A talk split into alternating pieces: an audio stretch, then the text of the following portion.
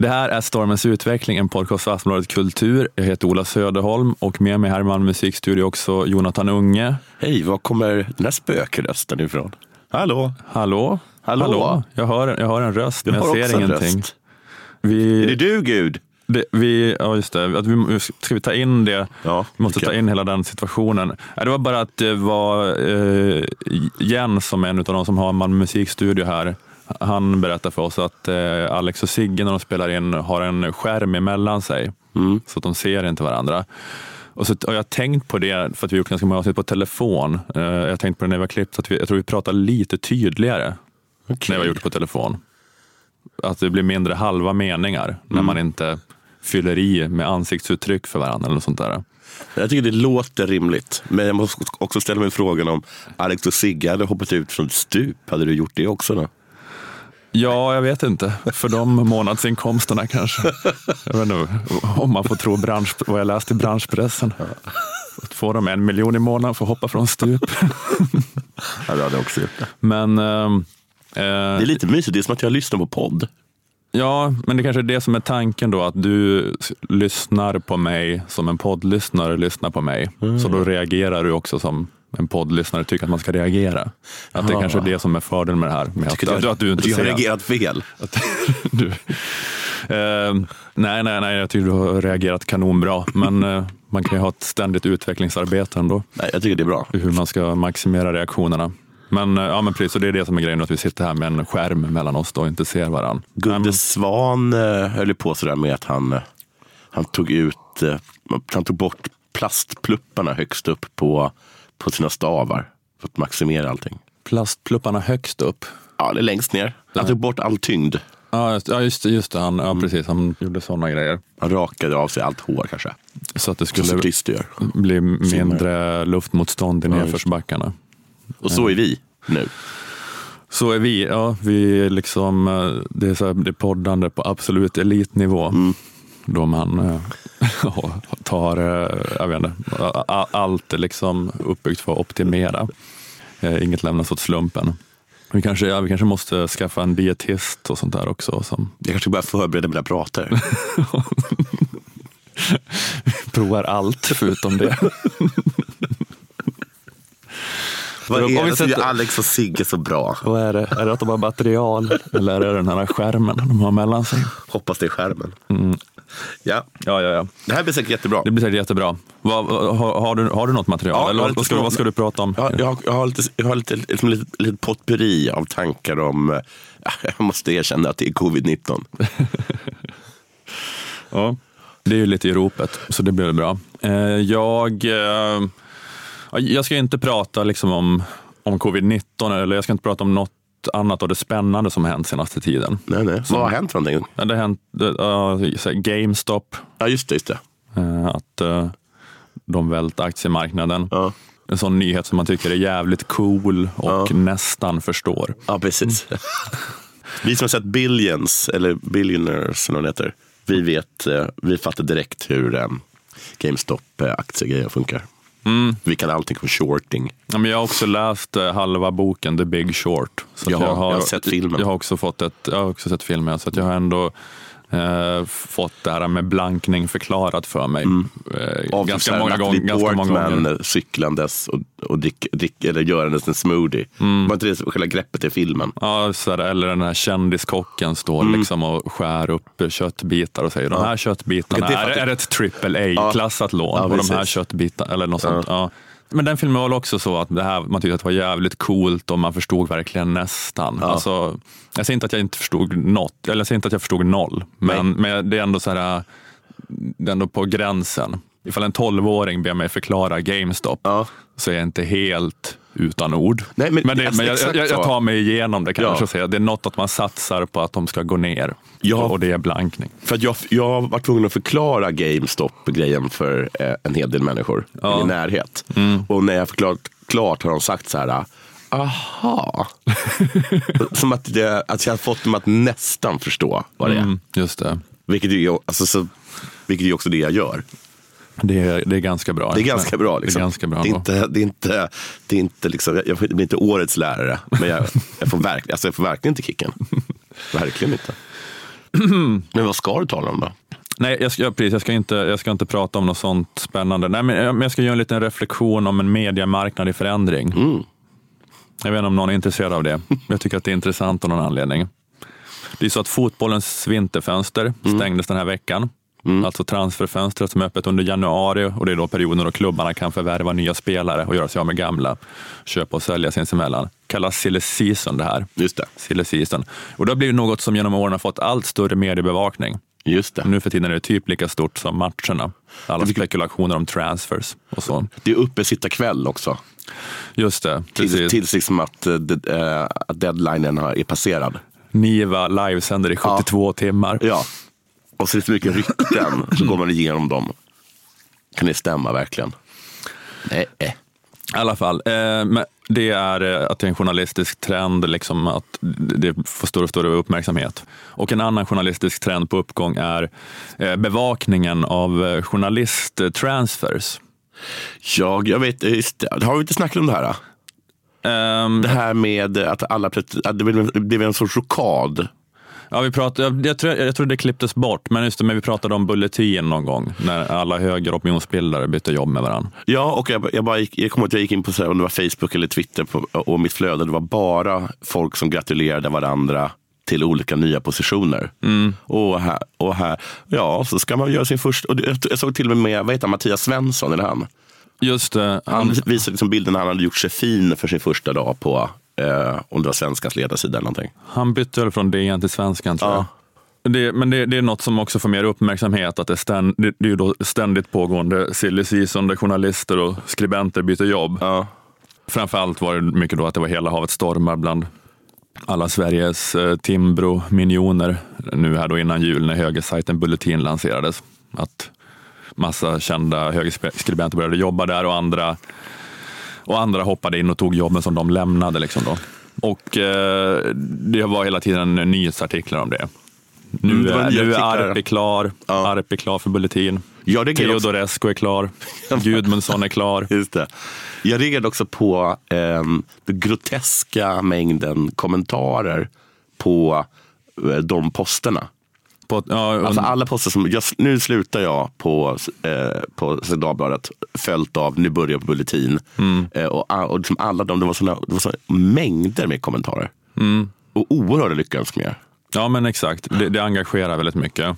Det har också sedan dess eh, nu varit ett antal uppmärksammade värvningar av Svenska Dagbladet, att de gör en offensiv. De har bland annat då nypt eh, Lena Andersson, krönikören från Dagens Nyheter, Mm. Ja, och eh, politikreportrarna Maggie Strömberg och Torbjörn Nilsson från Expressen. Mhm. Och eh, jag har sett så ganska många eh, ifrågasätta den här uppmärksamheten. Mm. Att det kanske har hånats på Twitter. Alltså att, eh, uppmärksamhet, att det tillskrivs som betydelse att skribenter byter mediehus. Ja. Att det blir skriverier och TT-flashar om det här, att det är fånigt.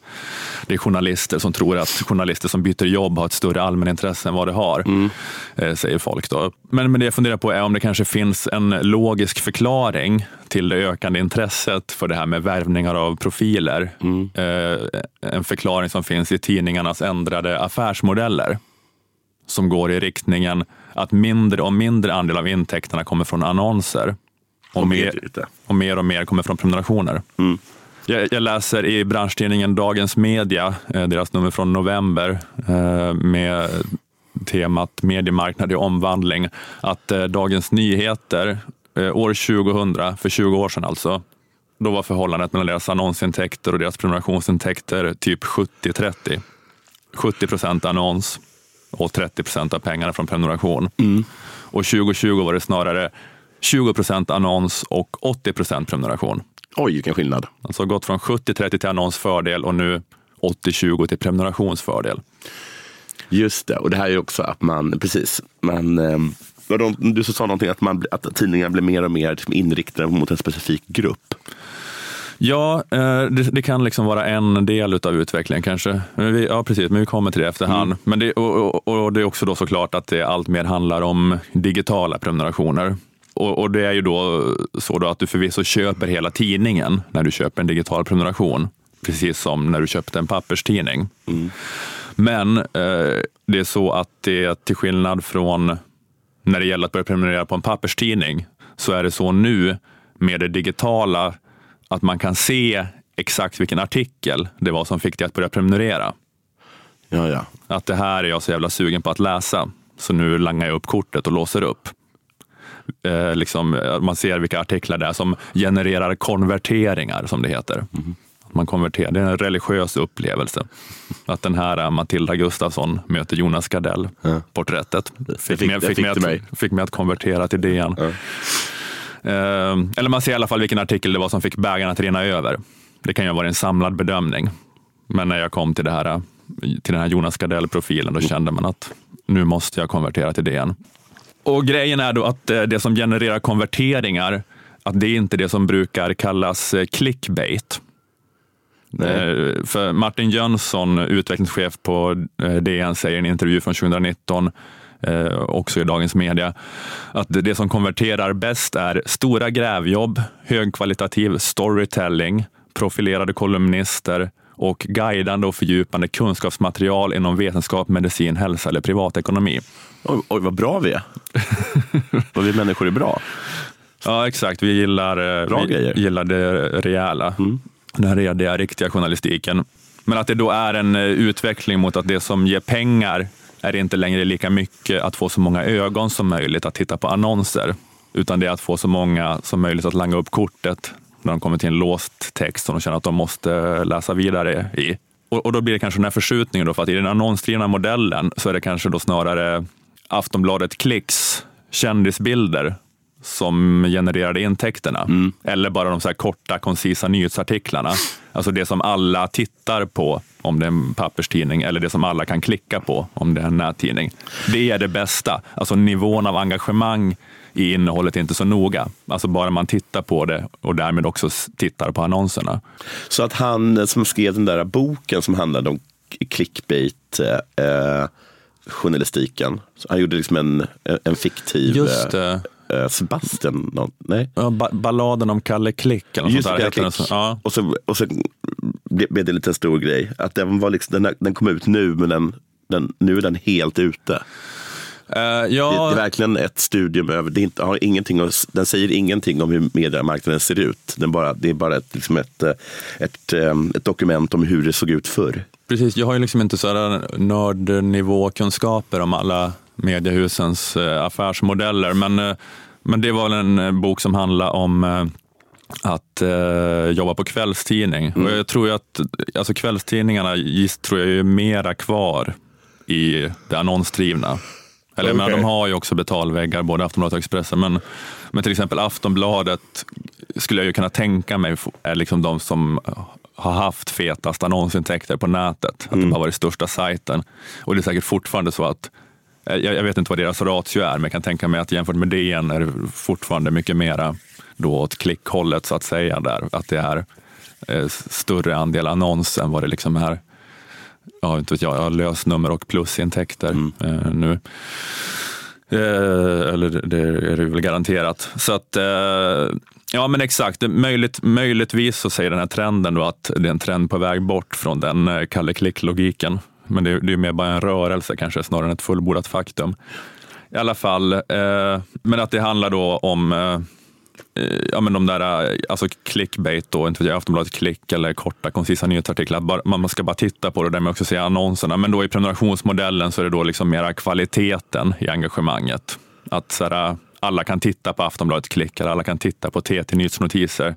Men ingen, ingen kommer langa upp kortet för det. Nej. Så att vi då är på väg kanske in i ett läge där det snarare än de som sysslar med clickbait så är det de som sysslar med så kallat eh, high value content som driver in pengarna till tidningen.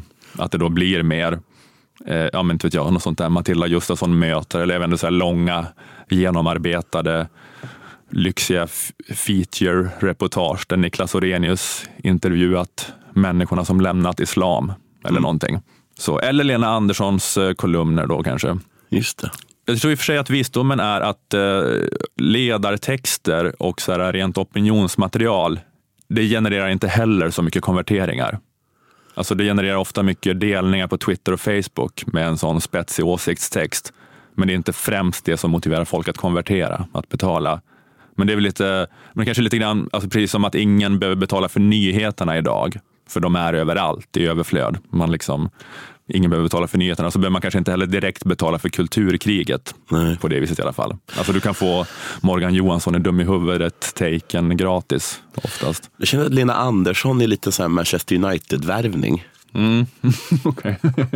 Eh, alltså, alltså nå- något man gör lite desperation för att visa att man är en stor spelare. Eller stor klubb. Så, så vad heter det, värvar man ett jättekänt namn. Ja. Men kanske en person som eh, är mer känd för, för vad han gjorde förr. Just det, vi tar in, alltså om när Manchester United bara Bara tog in någon känd. tar in, de tog in eh, Veron Ja, kanske. Där något de sånt. hade eh, Paul Scholes redan på mittfältet. Där de bara, vi tar in bästa spelaren i La Liga. Ja, Ja. han är jättebra men ni har ingen plats för honom. Nej, och man förstår inte vad han säger. Och i det här fallet vad hon skriver. Nej, Nej just det. Men ehm, Hade jag sagt om jag var Erik Niva.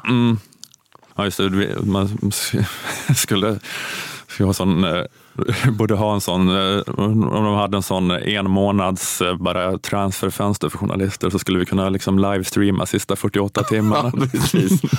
Och, och sen eh, om ett, om, om ett halvår kan vi göra listorna bästa och sämsta värvningen.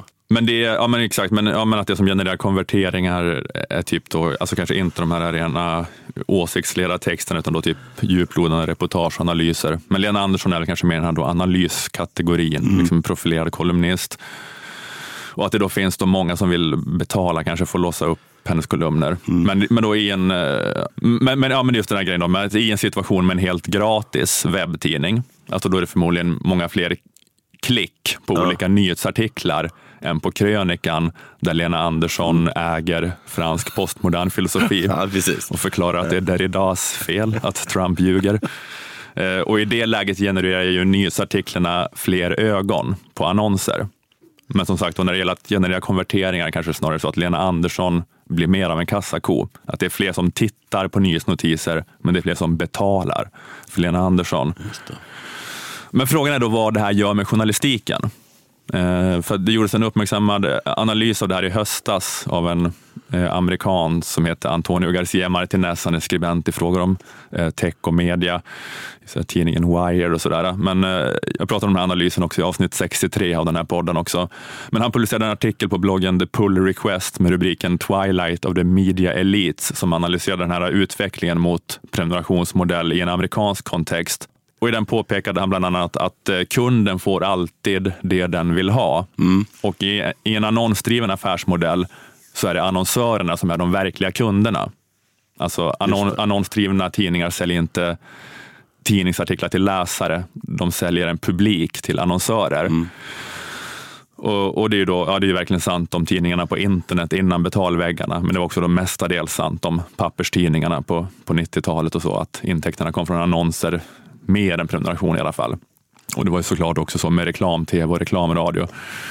Eh, men om annonsören är kunden och kunden får vad den vill ha, eh, ja, då är det som sagt, annonsören vill bara ha så många ögon som möjligt som tittar på annonsen och det leder till den här typen av innehåll då med eh, liksom, eh, korta nyheter och liksom kändisskvaller och, och så vidare och lätt, lättsamma lifestyle-reportage kanske. Jag undrar om det gör att annonsavdelningens status eh, förändras. För den förändrades ju så. um, Mamma berättade, eh, jag kom- hem upprörd en gång för en her- herrans massa år sedan. Eh, och var så- och var så himla upprörd för att annonsavdelningen hade flyttat upp på samma våning som redaktionen. Just det, din mamma jobbar på Expressen. Ja. Och så hade, okay, ja, Och mm. liksom att det var liksom det sjukaste hon varit med om. Att de här annonsnissarna fick gå runt och liksom beblanda sig med redaktionen. De hade liksom suttit eh, en trappa ner och de, hade, de, de såg man inte och de hade absolut ingenting med att göra. De Nej. var liksom bara de som krängde saker för att journalisterna skulle kunna få löner och eh, komma ut med viktiga sanningar. Ja, men, det, men det är just att journalisterna har så himla mycket sett ner på annonsavdelningen redan innan, Mm. när det var annonsavdelningen som var de som bar hela skutan. Ja. Men om nu, om annonsavdelningen inte ens gör det, då kommer de typ bli som eh, livegna på Ja, redaktionerna. precis. Men för att, eh, men- och, eh, och, för att hon för, alltså för att sen blev det verkligen så att annons, annonsavdelningen var verkligen stjärnan ett tag. På, I alla fall på, på Expressen. Att de, liksom, de hördes och syntes mest. Alla liksom så stora men plötsligt bara hörde de en, champagnekork och sen samlades alla och åt tårta. Då var det, liksom det, det var annonsavdelningen då som, hade, som firade någonting. Att det var så jävla bra de- siffror ja, bara. Ja, och, de, och de firade saker hela tiden. Fan vad de käkade tårta. Var det här liksom kanske i början av internet? Ja, Eller? kanske. Men nu kan man känna att de, att de kanske håller på liksom att, pressas tillbaka ner på ett, en trappa ner. Liksom. Ja, för att det borde ha blivit ännu större tonvikt tänker jag mot att annonserna drog in pengarna i början när det bara var gratis på Ja. internet. För att då var det ju bara att, ja, just att folk mindre betalade pengar för att köpa tidningen och bara gick in och kollade liksom. Och inte behövde betala. Ja, mm. Men eh, precis att eh, Ja, men det det är den typen av innehåll som jag sagt och som det blir när man bara vill ha ett maximalt antal ögon som ska titta på annonser. Men ju mer då det är prenumerationsmodell, desto mer är det då prenumeranten. Då är det läsaren som är kunden. Läsaren är kunden själv. Och det kunden då vill ha är, skriver Antonio Garcia Martinez, being flattered by having their own worldviews echoed back at themselves in a, in a more articulate form. Alltså kunden vill bli smickrad genom att få sin egen världsbild återspeglad i en mer välartikulerad form. Eh, och Garcia Martinez och andra har då lyft fram att det, detta dels leder det här till som sagt att det är mer så här high value content som prioriteras snarare än de här, än det här snuttifierade klickjagarinnehållet. Men också menar han journalistik som är mer tesdriven, partisk och, och agendasättande. Alltså lite samma som den här kritiken som har lyfts mot eh, Swish-horor. Alltså att man är ägd av de betalningsvilliga. Ja. Säger de saker de vill höra. Att hela medielandskapet blir mer så. Att Alla i Lamotte. New York Times är också i praktiken swish-horor, Mm. alltså menar Garcia Martinez. Ja, alla, alla blir Lamotte, det är liksom eh, den trendspaningen han gör. Att han skriver mycket liksom om att eh, New York Times, att eh, det går mega bra ekonomiskt för New York Times nu, alltså på grund av, av boomen i digitala prenumerationer. Men att tidningen helt transformeras och att affärsmodellen då slutar vara den här stora, bastanta, liksom torra, neutrala centralpunkten som har nyheterna med stort N. Och istället blir New York Times mer som så här äh, nyhets-Netflix för medelklass, akademiker, liberaler. Var det New York Times som hade, äh, som hade skrivit eh, någon, någon lång artikel som handlade om eh, eh, som typ var kritisk till Biden. Eller så här, varnade honom för att, eh, eh, jag men, inte, inte, jag men, för massa saker. Eller, det, det var något, jag jag får mig att de gjorde en, någon, någon Biden-kritisk grej. Eller, eh, och då fick de så jävla mycket skit för det. Okej. Mhm. Alltså liksom eh, Biden-kritisk från eh, höger? Eller? Nej, från vänsterhåll Från- gissar jag. Eller, liksom sorts, eller, eller, eller, eller någonting. Men att den bara, jag kommer inte ihåg exakt. Fan vad det var. Från, från Crystal Sagar-hållet? typ. Ja, från ett baserat håll? Ja, precis. Från de, vil- de, de, de, de gjorde en, de publicerade en artikel som var för based och, Ja. inte, och inte var nog mycket libtard. Nej, Nej och, då, och då sparkade alla bakut. För då gav, ju, då, var, ja, då gav de inte det man ville ha. Nej. Nej, men, det, men att det blir mer den här eh, alltså, fokuseringen på storytelling och härliga narrativ. The paper is, paper is in the midst of an evolution from the stodgy paper of record into a juicy collection of great narratives on the web and streaming services. Men också menar han då på att det blir, en del av det blir det här att sälja polarisering genom att smickra målgruppens världsbild. Att de här människorna kastar prenumerationspengar på New York Times, Washington Post. Det handlar inte om att de älskar abstrakta principer eh, om en fri och oberoende press, utan det handlar om att de vill se en ändlös roast av Donald Trump som de hatar och massa innehåll som bekräftar deras världsbild. Eh, och det här är, liksom, det här är ju så här lättare att se i USA, att det har varit den här utvecklingen i media. Att det har funnits, alltså det har funnits länge med så Fox News och så på högersidan, men också att det är lite så här chockartat att se CNN nu för tiden. Att det, de verkligen har bytt tonläge och blivit så här öppet aktivistiska. Och också då på New York Times då att det har blivit den här jag menar att det varit mycket- många som har påpekat med här med den mer aktivistiska journalistiken att det var två år av Russiagate-hysteri. Sen har de haft det här 16 and 19 project. Är det? är något om att år 1619 kom det första slavskeppet till USA tror jag. Ja, så man ska ändra när det blev upptäckt? Eller Ja, när, man säger- när, när, man säger- eller när historien börjar? Ja, just det? USAs historia börjar inte 1492 Nej. när Columbus kom, utan det börjar när första slagskeppet kommer. Och det, ja, men det, det är då som någon slags här, eh, tema, reportageserie de har haft, 1619 Project, som då handlar om att försöka förstå hur Trump kom till makten. Liksom. De börjar Den historien av tidigt. amerikansk rasism. eh, Och så, men, ja, men det har väl också då fått mycket kritik kanske av historiker för att det är så totalt reduktionistiskt, att det bara ser allt, allt, allt som har hänt i USA genom eh, att, eh, att rasismen förklarar exakt allt Mm. hela tiden. Jag har bara sett Crystal Ball och Sagar inte tror ett dugg på the, the Russian conspiracy. Nej, nej, det kan jag tänka mig.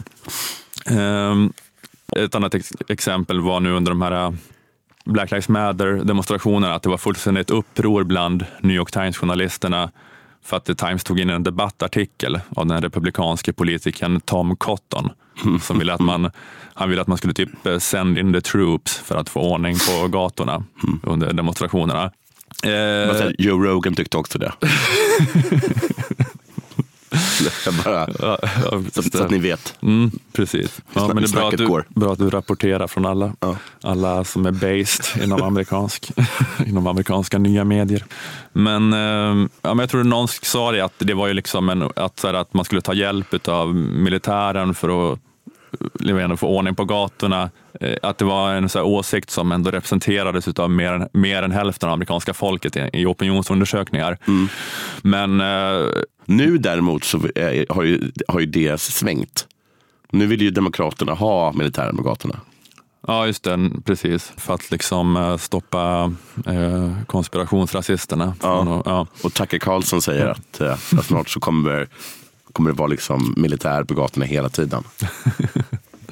För att se till att eh, Biden-agenda eh, förs fram utan, utan störningar.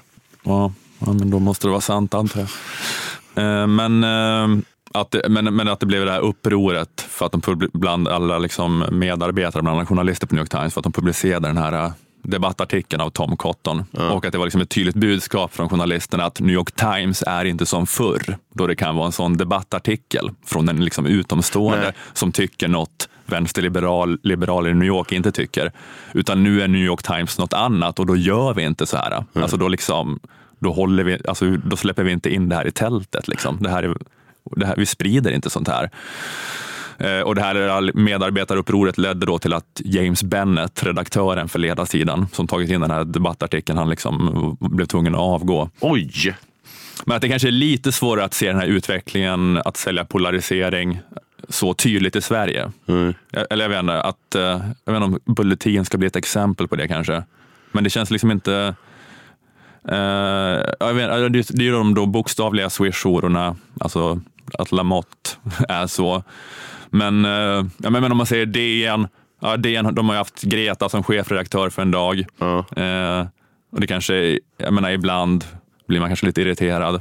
Eh, men eh, när man, vissa re- reportrar är lite för genomskinliga i sin ideologiska bias. Men, men, men, alltså, men generellt är ju ändå, man kan inte säga att DN är som den här bilden av New York Times. Att det, Nej, det det blir inte medarbetaruppror för att de, det tas in artiklar på DN Debatt av, Men om av Bulletin då moderater eller sverigedemokrater. Om Bulletin går ut med och säger vi ska låta Greta vara chefredaktör för en dag. Då kanske liksom Mm. att det skulle bli mer, vad fan håller ni på med? vad fan håller ni på med? Och, och, eh, och han som är så snygg kanske hoppar av. Han som var på kvartal, är han på Bulletin nu? Jörgen Wittfeldt, Ja. jag tror han är kvar på Ja, ja. kvartal. Mm, men han gör en, dräp, en, en drapa om det.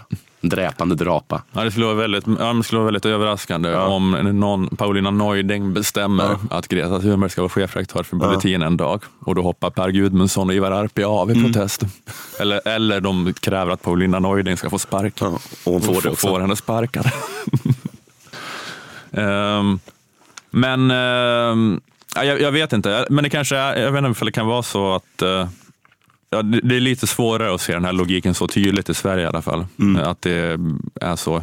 Det kanske, det kanske är att Sverige är för litet också. Att eh, man kan liksom inte satsa så mycket på en, en, en en, slags grupp om man ska driva en stor tidning som DN så att man bara är så här ett så här galen aktivist-megafon. Men, eh, ja, ja. Men, men grejen i alla fall, då, för att återgå till vad jag började, att det finns kanske en logisk förklaring till att intresset för journalisttransfers ökar i och med att eh, enskilda högprofilerade journalister då kanske blir mer avgörande för den ekonomiska modellen. Alltså så viktigt det är för Svenska Dagbladet att nypa Lena Andersson och kanske ännu mer Torbjörn Nilsson och Maggie Strömberg från, från Expressen som de tog. För att de, de, alltså de gör ju exakt det här äh, djuplodande new journalism, härlig storytelling, granskningar och analyser om partiernas inre liv eller vad det är. Att det kanske är så med den här utvecklingen att så viktigt det är för SvD att värva eh, Torbjörn och Maggie nu. Att så viktigt hade det kanske inte varit för 20 år sedan. Att, eh, men jag tror att alltså, nu, idag kanske många har en känsla av att ja, ja, man måste väl ha ett DN-inlogg. Att det är lite så. Många har den känslan. Det, det måste man ha. Men man kanske inte måste ha, en, ha ett SvD-inlogg. Må, många tror jag befinner sig där. Men att det kan ha en sån jävla betydelse då att så här, Maggie, Torbjörn och Lena exklusivt bakom SvD-väggen. Att det kan bli så ett viktigt steg för att skapa känslan hos många av att SvD är också något man bara måste ha. Så de här då profilerna blir liksom viktigare för medieföretagen, eh, men de blir eh, kanske också, också då viktigare för läsarna på ett sätt. För grejen är just det då att det är på grund av att läsarna har ett stort engagemang i dem som gör att de betalar. Alltså att förr, förr i tiden innan internet och liksom innan den här informationstsunamin vi lever i var det mer att man betalade för tidningen som man måste ha för att få nyheterna. Eh, Att det var liksom inte engagemanget i enskilda artiklar och enskilda skribenter som drev betalningsviljan på samma vis. Jag menar, ja, men så, så då var det som var poängen då, att därför är rapporteringen helt rimlig. Det, är inte konstigt att vi är galna i silly season för journalister då. En annan den- fotbolls, vad heter det, eh, relat- relater- liknelse. Mm.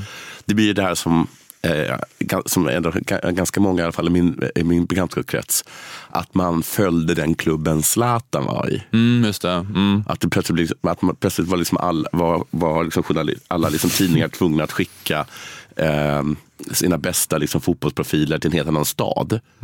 Nu måste du bo, du måste bo i Manchester nu, Just det. för att där är Zlatan. Ja, just det. För att alla hejar på det laget där Zlatan är. Och så kanske det kommer bli också. Att man, man går dit Lena Andersson är. Liksom. Ja, precis. Men, eh, men om, du, om du skulle vara Lena Andersson-bevakare då, eh, fast ja just det. Fast du, Det ska du, jag bli. du behöver ju inte flytta till ett annat land i och för sig då. Nej, Hon- det- eller- jag måste skaffa ett annat inlogg bara. Ja, just det. Men jag ska bli Lena Andersson eh, bevakare. Och sen Det skriva- Johanna Frändén har varit för Zlatan skulle vara för Lena Andersson. Ja, precis. Eller hon, hur- hur Jennifer, går- hur går det vet den? Jennifer Wengrup? Eller vad heter hon? Wegerup, ja. Wegerup. Sån ska jag bli. Och så ska jag skriva någon bok där han, som han knappt vill vara med i. eller hon då. Men, men, men i alla fall, men, men då är det Som man skriver hur oerhört bra det går för henne på svenskan. Fan, lyft svenskan. Ännu en vecka där hon hänger i krysset med sin spalt. Fan, hon är- rädd, rädda svenskan den dagen. Hon äg, ägde sönder postmodernism den här veckan igen. Precis vad SVDs ledarsida behöver. Men eh, det är eh, men det är just det, vad blir det för journalistik av det då? Att det är den här eh, Ja, men att den här då Garcia Martinez och den här då amerikanska kont- kontexten liksom varnar för det här, då att, eller varnar, men gör observationen att det blir den här eh, swish-hore-logiken som liksom omfattar allting och att man då mer och mer kommer liksom eh, predika för kören och så vidare och eh, ha, eh, göra bara det som så här smickrar läsarnas världsbild och så. Det känns inte lika tydligt i Sverige som sagt. Men, men för, för ett annat sätt att se på det, som du sa, är det här vad bra vi är. För att vi vill köpa bra saker. Ja, att på det. ett sätt kan man tänka att det är bra det här, att det blir liksom så hög konjunktur, konjunktur för djuplodande journalistik. För att det är sån då high value content som, som driver konverteringar. Men att det kanske blir som en utveckling mot att dagstidningar blir magasinifierade. Att, eh, att alltså, dagstidningar blir också mer som lika filter eller fokus eller tidningen Vi. För det är det material som genererar konverteringar. Och eh, ja, sista steget är ju, sista steget är ju Substack. Vad är det? Eh, Det är, ja, det är en grej som vissa, det har börjat hända i USA, att vissa stora journalister bara lämnar den stora tidningen de jobbar på och skaffar en Substack. Men det är typ som så här, Patreon för skribenter. Att man kan bara själv publicera Gör låsta han det- artiklar som prenumeranter får låsa upp där då. Gör inte han det, vad fan heter han? Glenn Greenwald gör det till exempel. Ja men i Sverige. Han som fick Stora Journalistpriset nu. Jag har ju namnet på honom. Jag har till och med jobbat med honom. Han var på P3. Han är så här, äh, grans, äh, internetgranskaren.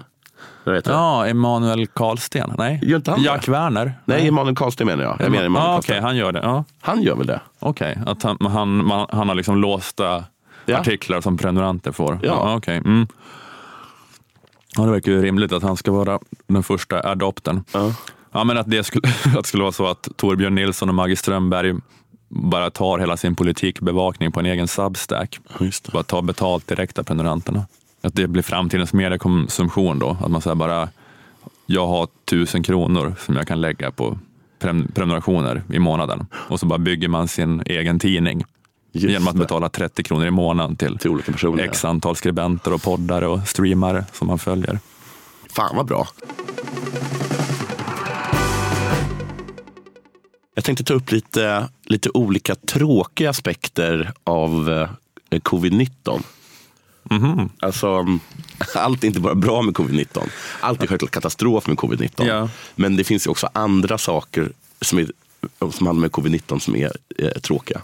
De inte så ofta pratar om tråkiga saker. Precis, vi har, kanske, vi har, jag har tagit upp det här exempel att, som var tråkigt bra, men det, det här med att, eh, att man ska, eftersom det, är- det är kö, så mycket köer nu och en utomhus så måste människor, läs kvinnor, lära sig att ha betalningsmedlen framme och veta när de kommer till kassan vad de ska beställa. Just det, för att folk står utanför och fryser. Ja, det går Kö. inte att hålla Ja. på längre. Nej. Precis som du sa, det är slutlekt. Och, eh, och den tråkiga aspekten då är att eh, de här sura gubbarna som muttrar sånt högt. Men herregud, kärring. Eller gusch, vad hårt. Flicka, Ja. lilla, lilla gumman då, säger vi. Herregud, lilla gumman. Du, ska väl, Marginellt bättre. du vet väl vad du ska ha. Och ta fram kortet. Du visste väl redan för ti- tio minuter sedan att du skulle handla. Att den personen nu har rätt. Alltså, den hade ju rätt tidigare också. Men i, inte i samma höga grad som den har nu. Nej, inte nog rätt för att hålla på att ta konflikten Nej. hålla på att göra en grej av det. Ex- Men, men, men nu har man rätt att göra en grej av det. Ja. Ehm, och eh, en, en annan tråkig grej som från början var en rolig grej har nu visat sig vara en tråkig grej. Nämligen att det har kommit fram att rökning faktiskt är dåligt för eh, corona. Och det var något rykte i början om att rökning skyddade. Ja, först var det ju så att de sa att alla som röker kommer dö jättemycket. Och sen så kom det studier från Frankrike, säger vi. som, jag kan tänka mig att de kom därifrån. Som, som pekade på att det tvärtom skulle vara bra att röka. Det skyddade. Det, var det att det skyddade liksom mot att få smittan typ kanske? Eh, ja. ja, just det. För att, för att det är ju två olika saker. När man väl har fått smittan och blivit sjuk så är det kanske självklart att det är sämre om man har nedsatt lungkapacitet på, grund av att man har rökt i flera decennier. Ja, det är sant. Ja. Men det skyddade alltså från att bli smittad helt rätt. Och det Ja. var alltså flera olika rapporter från länder som Kina, USA och Italien. Italien var det jag menade. Det jag Ja. sa Frankrike. Självklart var det Italien. Ja. Ehm, att rökare var underrepresenterade bland de som vårdades på sjukhus för, för covid-19. Just det. Och det här tyckte man, det här var en så himla glad nyhet. Att för en gångs skull så kunde man inte få rö- röker du-frågan slängd i ansiktet. Men du röker väl inte? Nej, nej, jag vet. Jag, rök, jag, jag slutade röka på grund av covid. Rökte du innan? Ja. Okej. Men eh, jag kommer inte börja igen såklart. Men du har så rökt lite fram och tillbaka kanske? Hela, Ja, jag, tycker, men det var, det var så, jag bara gladde mig så himla mycket för rökarnas skull. Att de för en gångs skull gick segrande ur en strid. Är det för att folk inte går nära rökare? Jag visste skulle, att du skulle säga det. Så som det, så som det luktar. Det är så, ni är så jävla ofräscha. Så att det, ingen kommer nära er och smittar er. De är underrepresenterade på barnmorskeavdelningen. Och det finns en sån. För att de aldrig får ligga. Men du, eh, men nu har det så kommit eh, såklart eh, att, att det är tvärtom. Att det är 40% större risk att en rökare får covid än en icke-rökare. Okej. Så det var bara Ja. det var bara en vacker dröm. Sen så har en annan tråkig nyhet är att det här nya ryska covid-vaccinet eh, Sputnik 5 Heter det det? ja, tydligen ska vara jättebra. Okej. Och det har också anklagats för att, att det inte ska liksom, för att det inte liksom har testats till, tillräckligt bra. Eh, och att man, man, att man inte kan liksom lita på, på, på det som de, de, de ryska liksom, eh, forskarna säger. Eh, men nu har, det liksom, nu har de gjort nya studier som visar entydigt att det är superduper bra. Och varför är det en tråkig nyhet? Alltså man, det unnar man ju inte ryssarna. Det är en geopolitisk katastrof. Det är en politisk katastrof och Att eh, de har fått det här. även om det är att bra, de har sånt tack men nej leverage tack. mot oss, mot oss andra nu. Ja, Mm. Jag kommer inte ta Sputnik 5. spelar ingen roll om det är 91,6 procent- procents skydd. En annan tråkig grej är såklart ehm, eh, det här, eh, den typen av människor som alltid ringde upp den och berättade att man hade smittat dem med eh, influensa eller förkylning. Alltså smittspårare och smittutpekare. Alltså, brukade du bli uppringd av folk som... Ja, det finns, jag hade vissa människor i min närhet som, var på, som verkligen var tvungna att berätta för en att det var en man som hade smittat dem. Alltså de ringde och berättade och sa du har smittat mig? Ja. Okej. Hur visste de det då? Ja, det är- var nog en magkänsla, Okej. skulle jag säga. Ja. Men det var, framförallt var det liksom en, en, en grannes mamma som brukade ringa min mamma och berätta att jag hade smittat deras barn med vad det Ja. kan ha varit. Att det var så himla viktigt att, den, eh, liksom att, den, alltså, att man var tvungen att pekas ut. Liksom. Ära den som äras bör, men, men, men också peka ut den som har eh, gett folk svinkoppor. Ja. Det var oerhört viktigt att det, att det skulle liksom sägas rakt ut. Ja, men det är en härlig föräldratyp. Ja. Och, och nu så finns det liksom, nu är det jätteviktigt med, med eh, smittspårning tydligen. Ehm, och det finns, liksom, det finns liksom smittskyddsspårare, alltså folk som jobbar med att eh, spåra upp och informera folk som, har, som kan ha utsatts för eh, covid. Ja. För tydligen ska man göra då precis som eh, eh, om, man har, om man märker att man har en, eh, en vet du, könssjukdom, att man är tvungen att ringa runt till alla och informera. Eh, och det här är då ett stort problem, för det gör då inte folk. Okej, alltså alla som har fått positivt covid-besked ska typ ringa runt alla de har, till alla de har träffat? Eller? Det står så här, det är viktigt att den som testas positiv för covid-19 uppger alla kontakter med andra under tiden personen varit smittsam. Men det är inte alltid som all information kommer fram till smittspårarna. Okej. Alltså, de här, alltså min granntant då. Ja, just det. Mm. Tyvärr så är det vissa som försöker dölja lite, men då får vi lirka, säger Sanna Manske, smittspår över Region Jämtland, Härjedalen. Är det för att man eh, alltså vill frisera sanningen om hur duktig man har varit på att isolera sig själv när man har varit sjuk? Så att man Kanske. så här, eh, säger inte att jag gick till ICA, fast Som- man gjorde det. Precis. Som exempel nämner Sanna Manske ett släktfirande där 30 personer deltagit, men där man först uppgav fyra. Och sen frågade jag, var det någon mer där? Och då var det som, mm, ja det var ju det här också. Ja, var det någon mer efter det? Ja, och sen så kom de här med. Och då märker man att hon skäms lite, Ja, säger, han. just det. Ja, det är synd det där att det är så jävla svårt. Det är liksom ingen som, en sån där sak som nästan alla är oförmögna att inte ljuga om. När det är så, eller det är liksom så berätta själv- dricker ja, du? hur, många, hur många standardglas på en vecka. Liksom. Ja, fyra. fyra kanske. Jessica Marin som jobbar med smittspårningen vid Region Östergötland. Eh, där har man övergått från samtal till att man gör enkäter. Som den liksom smittade får fy- fylla i. Hon tror inte att det har liksom påverkat resultatet. En tanke är att man kanske ljuger mindre på en enkät. Att man bara ska då fylla i vilka man har träffat. Ja, man istället, för, istället för att behöva person. säga det och skämmas liksom inför en Ja. myndighetsperson. Ja, ja, det kanske är lite bättre. Men de, eh, de gör också att de går igenom enkäterna och om det är någonting som väcker våra tvivel, säger de, så ringer de då upp den personen.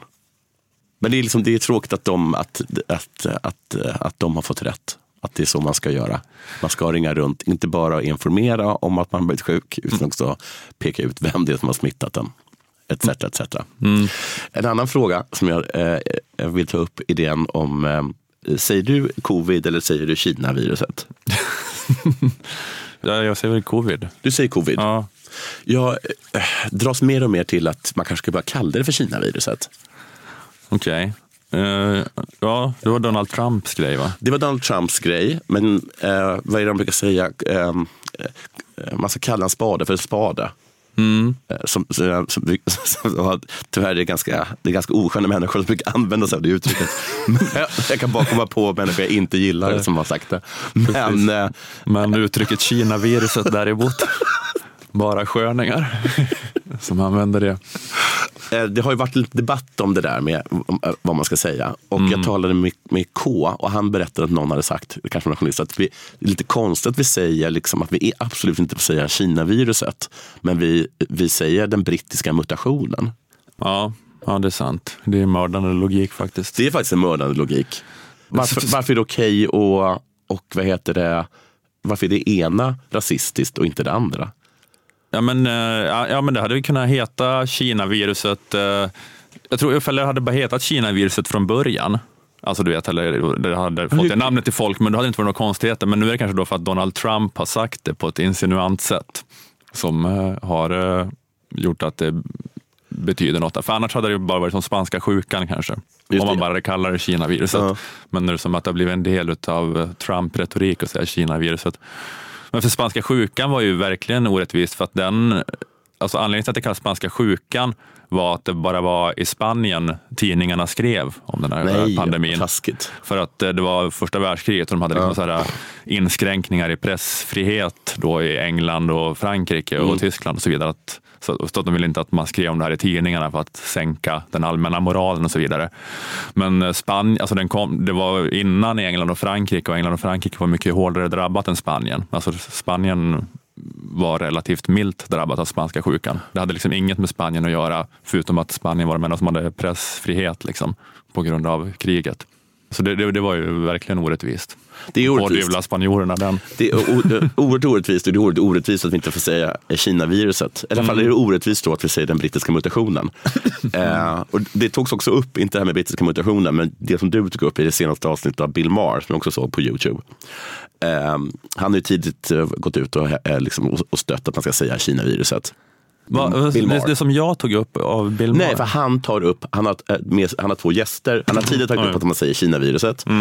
Och där tog han upp att just att man, att man inte säger Kina-viruset är bara för att Trump sa det. Ja, och man just det. tycker så jävla illa om Trump. Så eftersom han sa det så kan man inte säga det. Nej, just det. Mm. Eh, och, och det är liksom fel, tycker Bill Maher och jag.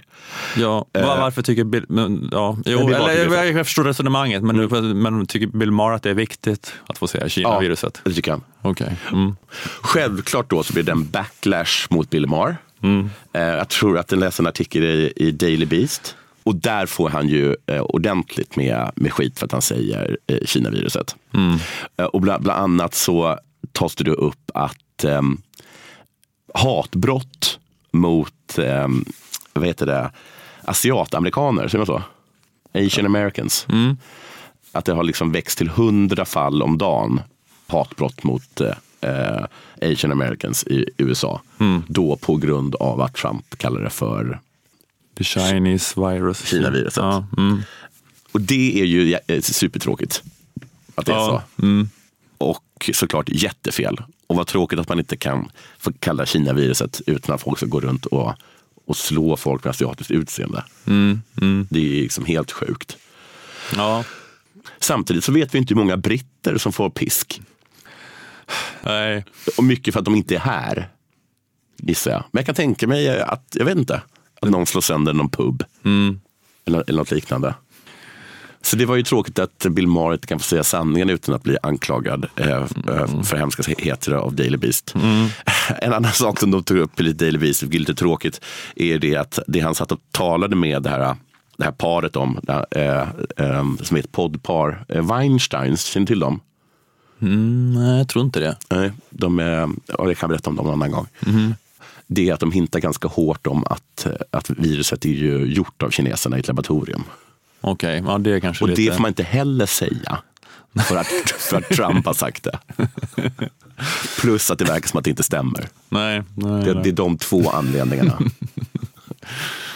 Ja, just det. Men vi kan inte ha liksom... En, Vi kan inte ens ha en rimlig diskussion Vi kan inte ha ett det. avslappnat samtal om Nej, det. Om men det det vidare som- stämmer på grund av Trump. Ja. Um, för jag hade, hade, tänkt, hade tänkt egentligen ba, bara tala om att viruset antagligen gjort ett laboratorium eftersom Bill Maher sa det. Men sen så då, när jag gjorde den här googlingen så hittade jag ingenting som stödde det. Jag kan inte bara gå på vad Bill Maher säger. Nej, Allt jag hittade var ett tweet från den där Weinstein. Men, det var, men den, det tweetet hade väldigt många kommentarer under sig som var kritiska. vad, är ett... Okej.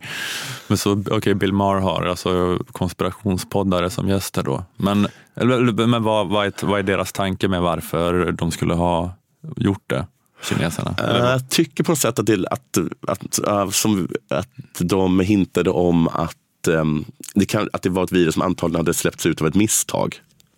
Från, det finns nämligen ett laboratorium i. Ah, okej. i Ah, den här ja. staden, Wu, Ah, ja. Wuhan. Okej, ja, det var inte en diabolisk plan för att lamslå världen, utan de har råkat släppa ut det. Jag tror att, eh, att vi börjar med att säga att det råkade komma ut. Det är det, det, är det folket är moget för än så länge. vi måste, liksom, vi måste så här klappa er på halsen så att, det ska, så att det ska gå ner. Men sen när det väl är nere kommer vi berätta sanningen för er. Okej, vi säger tack till Aftonbladet Kultur. Stormens utveckling är tillbaka om en vecka igen. Hej då. Hej då.